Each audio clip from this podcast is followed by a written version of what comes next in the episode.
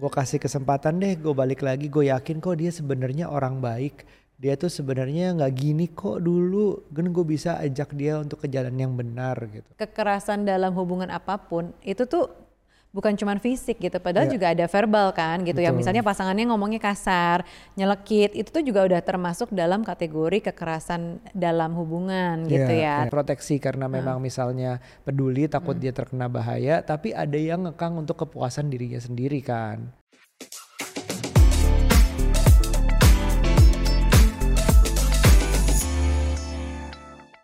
Hai parents, kembali lagi di podcast Curhat Babu, curhatnya Bapak dan Ibu. Eh, apa kabar semuanya parents di rumah di mana pun anda berada? Wah, aku udah kayak acara TV gitu ya. Di mana pun anda berada, semoga sehat-sehat walafiat dan tetap semangat. Tetap semangat, AMKM. Anda meminta, kami menjawab. Nggak ya? Ade dulu, dulu aku tahu dudu dudu dari untuk Dengan ucapan. Dengan ucapan. Ya, ya, ya. Ya, oke. episode kali ini kita mau bahas apa aja? Aduh, kemarin nih sebenarnya agak agak agak serius pembahasannya karena kita kemarin ngelihat di uh, berita di berseliweran bahwa tentang ada suami mencari istrinya lewat sosial media. Benar. Istrinya menghilang gitu Betul. pergi. Dan ini tuh sebenarnya beberapa kali bab dengan pattern yang hampir sama kalau aku perhatikan. Jadi ada pasangan suami istri nih, terus pasangannya melaporkan ke polisi, pasangannya hilang gitu Hmm. kan. Pasangannya hilang atau kabur atau pokoknya pergi gitu. Iya. Yang yang nggak izin-izin gitu kan, apa segala macam.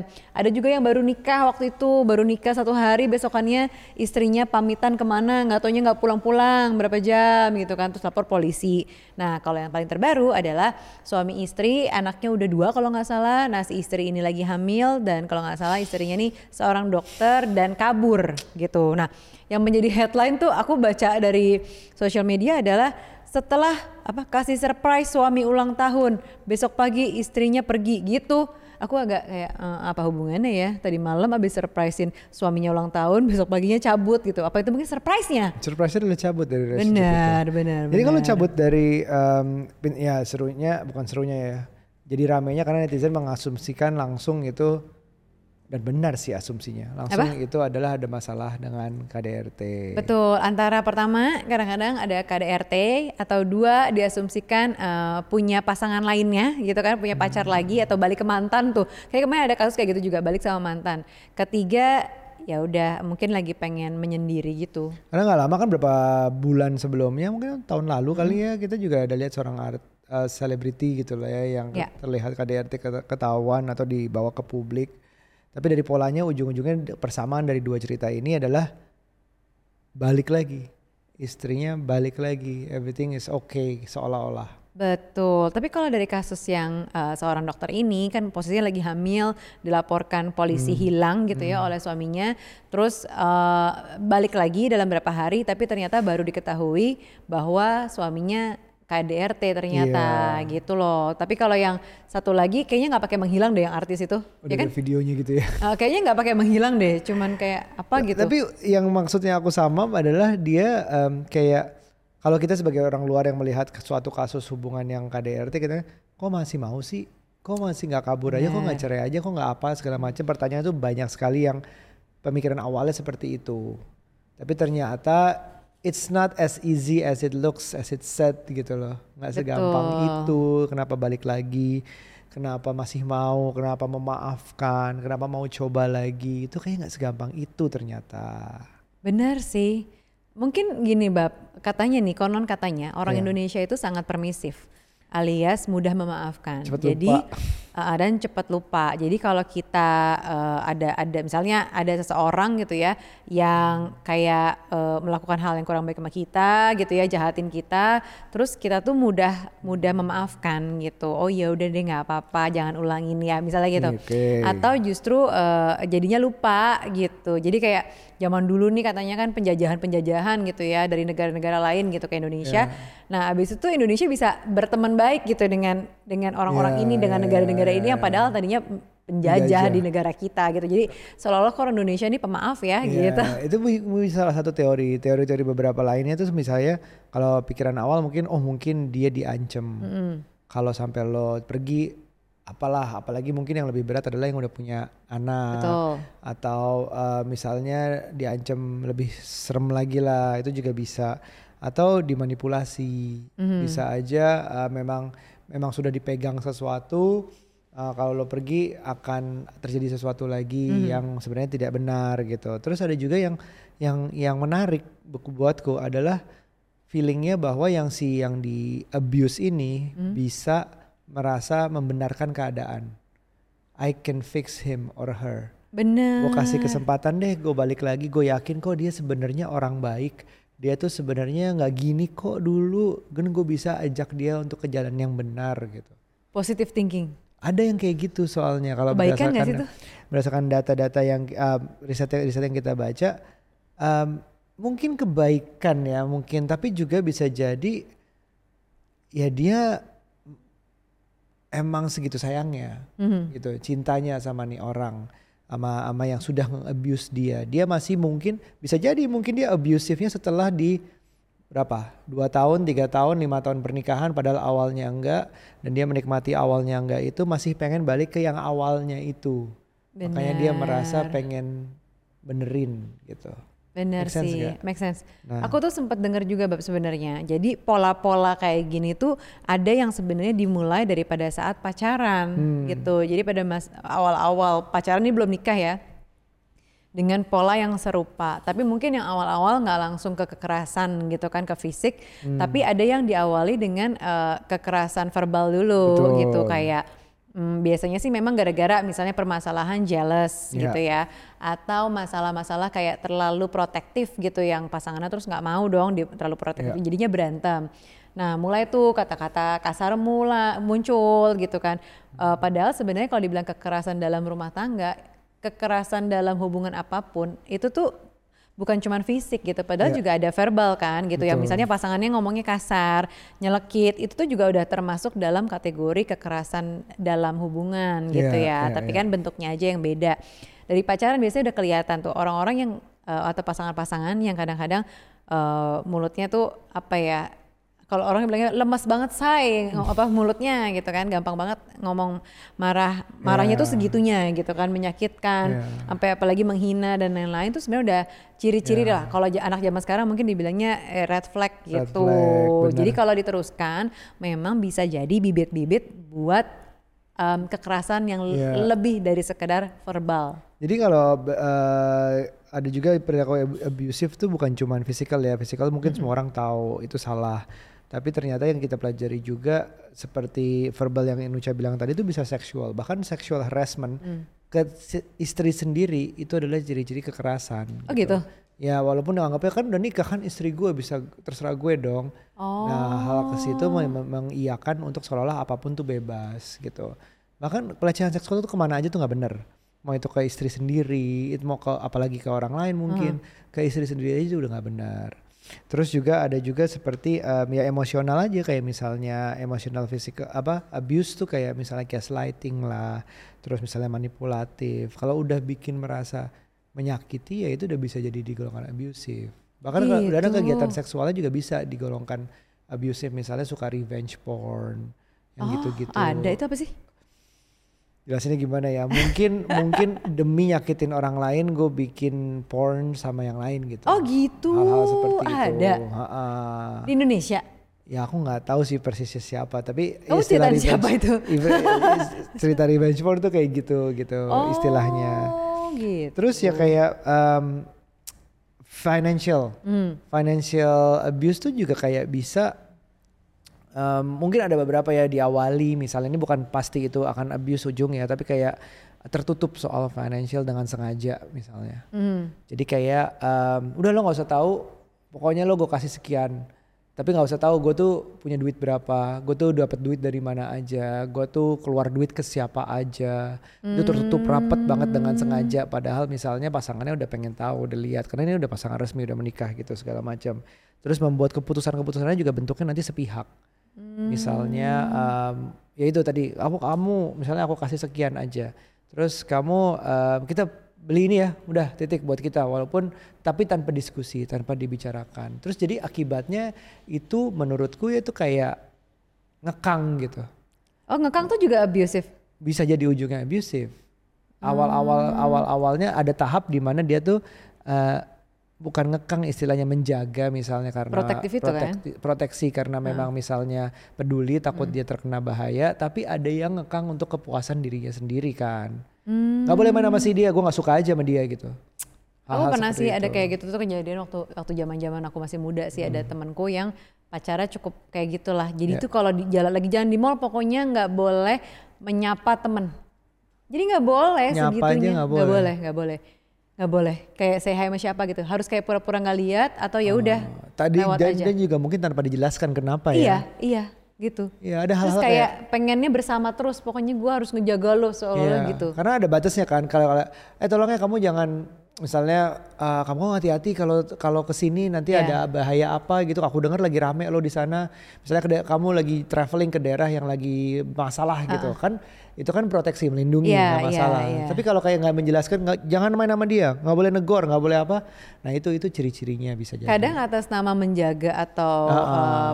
proteksi, tapi sebenarnya adalah jealous gitu kan. bisa jadi. cemburu bisa gitu. Jadi, Jadi, Ah, makanya kayak case-nya temanku dulu tuh sebenarnya pasangannya kayak jealous aja deh. Sampai nggak boleh menyapa temen gitu loh. Iya, iya. Uh, Apalagi temen cowoknya, eh teman lawan jenis sekarang kebetulan temanku cewek. Hmm. Gitu. Pokoknya ya tapi dia tuh willing si pasangan ini nih willing untuk ngasih semuanya. Jadi kayak kenyamanan tuh dia berikan gitu loh, Bab. Tapi dalam termsnya dia suami Dalam termsnya cowoknya dia, ini. ah, ah. kenyamanan pokoknya kayak antar jemput, mobil mewah, lo mau apa Iya. gue beliin. Ini masih Iya. pacaran ya. Cuman cara dia Iya. proteksi si ceweknya ini sampai nggak boleh nyapa orang lain di mall gitu. Terus pokoknya nggak boleh main sama siapa. Pokoknya gua harus ikut ke mana lo pergi main gitu-gitu. Dan Wah, itu pokoknya bisa jadi tergolong abuse walaupun mungkin dia tuh nggak Iya. pernah mukul, nggak pernah nyakitin secara fisik gitu. Itu bisa jadi tergolong abuse juga. Dia kan tertekan nantinya jadinya. Nah, itu udah feel abuse sebenarnya. benar. Dan tapi Gitu. banyak orang yang tetap bertahan. Banyak, sama orang yang kayak gini gitu karena ya tadi mungkin memaafkan atau pengen menjadi hero-nya kali ya Iya. buat si pasangan Atau ini ya yang simply as nyaman dan nggak tahu kalau abis ini tanpa dia gue ngapain. bisa jadi sih Ya udah deh, uh, itu ru- bahkan ada beberapa yang kayak menganggap uh, ya cuman dipukul lah gitu. Iya, cuma di- akhirnya cuma- cuman-cuman padahal sebenarnya Cuman-cuman padahal sebenarnya sebenarnya dia juga nggak tahu kayaknya normalnya hur- hubungan tuh kayak apa sih, bukan kayak gitu Iya, gitu kan. Iya. Nah terus balik ke tadi kamu sempat bilang um, mengubah Iya. uh, bisa jadi hero gitu. Iya. Eh kamu percaya nggak bisa nggak sih kita ngubah orang? Berat juga ya. Hmm. Aku nggak pernah dengan sengaja sih untuk bikin orang berubah karena aku. Gitu ya. Iya. Tapi secara Tapi orang berubah tuh percaya ya. Orang tuh bisa berubah. bisa. Oke. Bisa. People change itu iya banget Hmm. sih. Kayak kita ketemu teman lama aja gitu ya. Ini bukan pasangannya tapi maksudnya kita ketemu teman lama, teman kita yang dulunya modelnya A gitu ya. Terus sekarang setelah berapa tahun kemudian kita ketemu lagi, kok dia udah jadi B ya. Itu kan berarti orang berubah dong. Jadi Hmm. prinsip bahwa people change atau orang berubah, aku mengiyakan. Betul. Tapi kalau paham. aku menjadi pengubah orang tersebut, nggak juga sih Karena kayaknya. change have have to come from within ya. Sebenarnya kalau change yang dipaksakan dari luar Hmm. itu akan lebih apa ya? Aku pasti merasa akan lebih sulit nanti di ujungnya. Sulit sih. Change harus ditambah juga dari dalamnya. Sebenarnya dia pengen berubah nggak? Dia niat berubah nggak? Dia udah tahu belum gunanya berubah gitu misalnya hal seperti itu. Dan dipaksakan nggak? Kalau semakin dipaksakan berarti kan bukan datang dari dalam juga gitu. Iya, apalagi kalau misalnya mengubah pasangan yang udah kita lihat sebagai bibit-bibit abusive tadi ya, misalnya ada yang verbal uh, abuse gitu-gitu dan lain-lain yang kita udah tahu kayak gitu, terus seolah-olah bahwa nggak kok dia nanti mau berubah, uh, aku bisa mengubah dia gitu. Menurutku sulit ya, karena itu udah pattern dan pattern itu yang mungkin dia udah terbiasa raise atau hidup atau tumbuh dengan pola yang seperti itu entah dia dari keluarganya gitu ya dari circle terdekatnya Ya. atau emang dianya kayak gitu dan itu berlangsung udah tahunan kan untuk kita orang baru mengubah dia siapalah kita gitu gak sih Iya, kita bukan kita bukan kita nggak bersama dia dari Hmm. dia lahir misalnya kita nggak tahu dia persis seperti. Kita bukan expertnya untuk mengubah Ya. seseorang. Kita bukan Tuhan apalagi Hmm. gitu loh. Jadi jadi untuk mengharapkan orang berubah so very very very very long shot sih sebenarnya untuk mengharapkan. iya Ya. Mungkin mengubahnya gini, kalau pacaran nih ya, lagi senang-senangnya, misalnya pacar kita suka makan sushi gitu ya, terus kita tuh nggak suka makan sushi, tapi bisa jadi gara-gara kita sering nemenin dia makan sushi, kita jadi ya deh boleh deh coba deh, eh kok enak juga ya, eh boleh deh next time lagi ya, kayak aku Iya, gitu iya, ya kan? iya. jadi kamu itu um, aku sebagai trigger doang yang suka sushi. Tapi harus ada kemauan dari kamu dari dalam banget untuk kayak oh aku pengen cobain ah gitu, kayaknya Iya. seru gitu. Emang ada faktornya aku, cuman nggak akan jadi faktor utama untuk mendorong seseorang mengubah kualitas hidupnya. Bener sih, Apalagi KDRT gini. Iya, benar sih. Apalagi dan perlu pakai hati juga kayaknya. Kayak gimana kita nih sebagai orang dewasa juga uh, bisa berubah karena anak. Padahal anak-anak tuh kan sifatnya apa ya? Mereka kan nggak pakai nggak pakai terlalu banyak mikir, terlalu banyak rencana gitu ya. Tapi sebagai orang tua, sebagai orang dewasa, kita bisa berubah karena anak-anak gitu. Tapi kan tanpa paksaan. Let's say misalnya tadi kita orangnya nggak sabaran ya, tipe-tipe yang nggak sabaran kayak aku gitu. Terus punya anak, eh, ternyata apa namanya ya kehidupan tuh bikin aku jadi lebih sabar karena anakku ini nih Ya, gitu yang ya. Eh, mau nggak mau kan aku harus lebih sabar menghadapi dia yang misalnya waktu itu ya lagi tantrum lah. Pokoknya segala macam ups and downs-nya tuh akhirnya kita hadapin dan aku bisa jadi orang yang lebih sabar. Nah itu tuh kan mengubah. Mungkin anak bisa mengubah hidup kita karena memang dia tidak memaksakan itu sih ke aku. Iya, cuman betul. pada akhirnya kita yang menyesuaikan gitu loh. Kita berubah eh, tanpa paksaan ya. Gitu. Nah So, kalau ya. pasangan ngomongin abusive tadi itu eh, menurutku kita nggak bisa menjadi hero atau pahlawan buat orang-orang yang memang sudah dibesarkan atau sudah besar dengan pola yang abusive tadi gitu. Agak sulit is soalnya. a very tough. And it- ini sensitif ya setiap uh, kasus ya karena kalaupun sudah kejadian yang bisa kita lakukan misalnya teman ada yang cerita ada yang lari ke lo ya mungkin lebih ke arah pertama ya denger dan dampingi dulu gitu sampai kita gue mungkin referensinya suka dari film ya. Sering nonton film uh, apalagi yang paling berkesan dua film tentang domestic violence tuh si Enough-nya Jennifer J.Lo, Lopez. J.Lo. akhirnya dia ngelawan dengan cara yang keras banget karena itu udah fatal banget lah physical abuse-nya. Um, tapi yang aku belajar cukup lama tuh dari film namanya Made Made itu 2021 film di Netflix series gitu yang dia akhirnya ninggalin semuanya siapa harus yang main sih? Kok aku belum nonton ya lupa yang main siapa namanya. Nanti bisa ditulis dan dicari. Ah. Uh, dia tuh harus jadi maid kalau maidnya di sana kan bayarnya per jam. Terus Iya. dia lucunya adalah bawa harus punya vacuum cleaner sendiri alat bersih bersih Ah. sendiri. Tapi memang bahkan sampai ada momennya ada shelternya gitu. Khusus Hmm. buat orang-orang yang uh, atau tempat perlindungannya buat orang-orang yang pernah di abuse dan itu sampai dirahasiakan identitasnya. Karena memang para suami-suami abusive yang di film ini adalah dia nyari sampai berburu nggak ngelepas segitunya. Jadi harus diumpetin ganti identitas gak pindah kota uh, dikerumuni oleh teman-teman yang juga pernah atau kons- sumber konselingnya sehingga oh tahu iya aku nonton aku nonton sehingga tahu Lupa, pengalamannya seperti apa. So jadi penting banget maksudku buat kita misalnya kita kayak gitu, kalau kita belum kita punya kedatangan temen nih yang pernah di abuse, tapi kita sendiri belum punya pengalaman, coba bantu sama temen yang sudah berpengalaman atau Iya. lem- yayasan atau lembaga, karena kita nggak akan bisa 100% ngebantu. Kita bisa ngedampingin tentunya, tapi butuh bantuan orang banyak to to save someone from KDRT nggak bisa dilakuin sendiri sih bener bener ada yang ber, misalnya ada yang berwajib lah misalnya ada, ada yang dari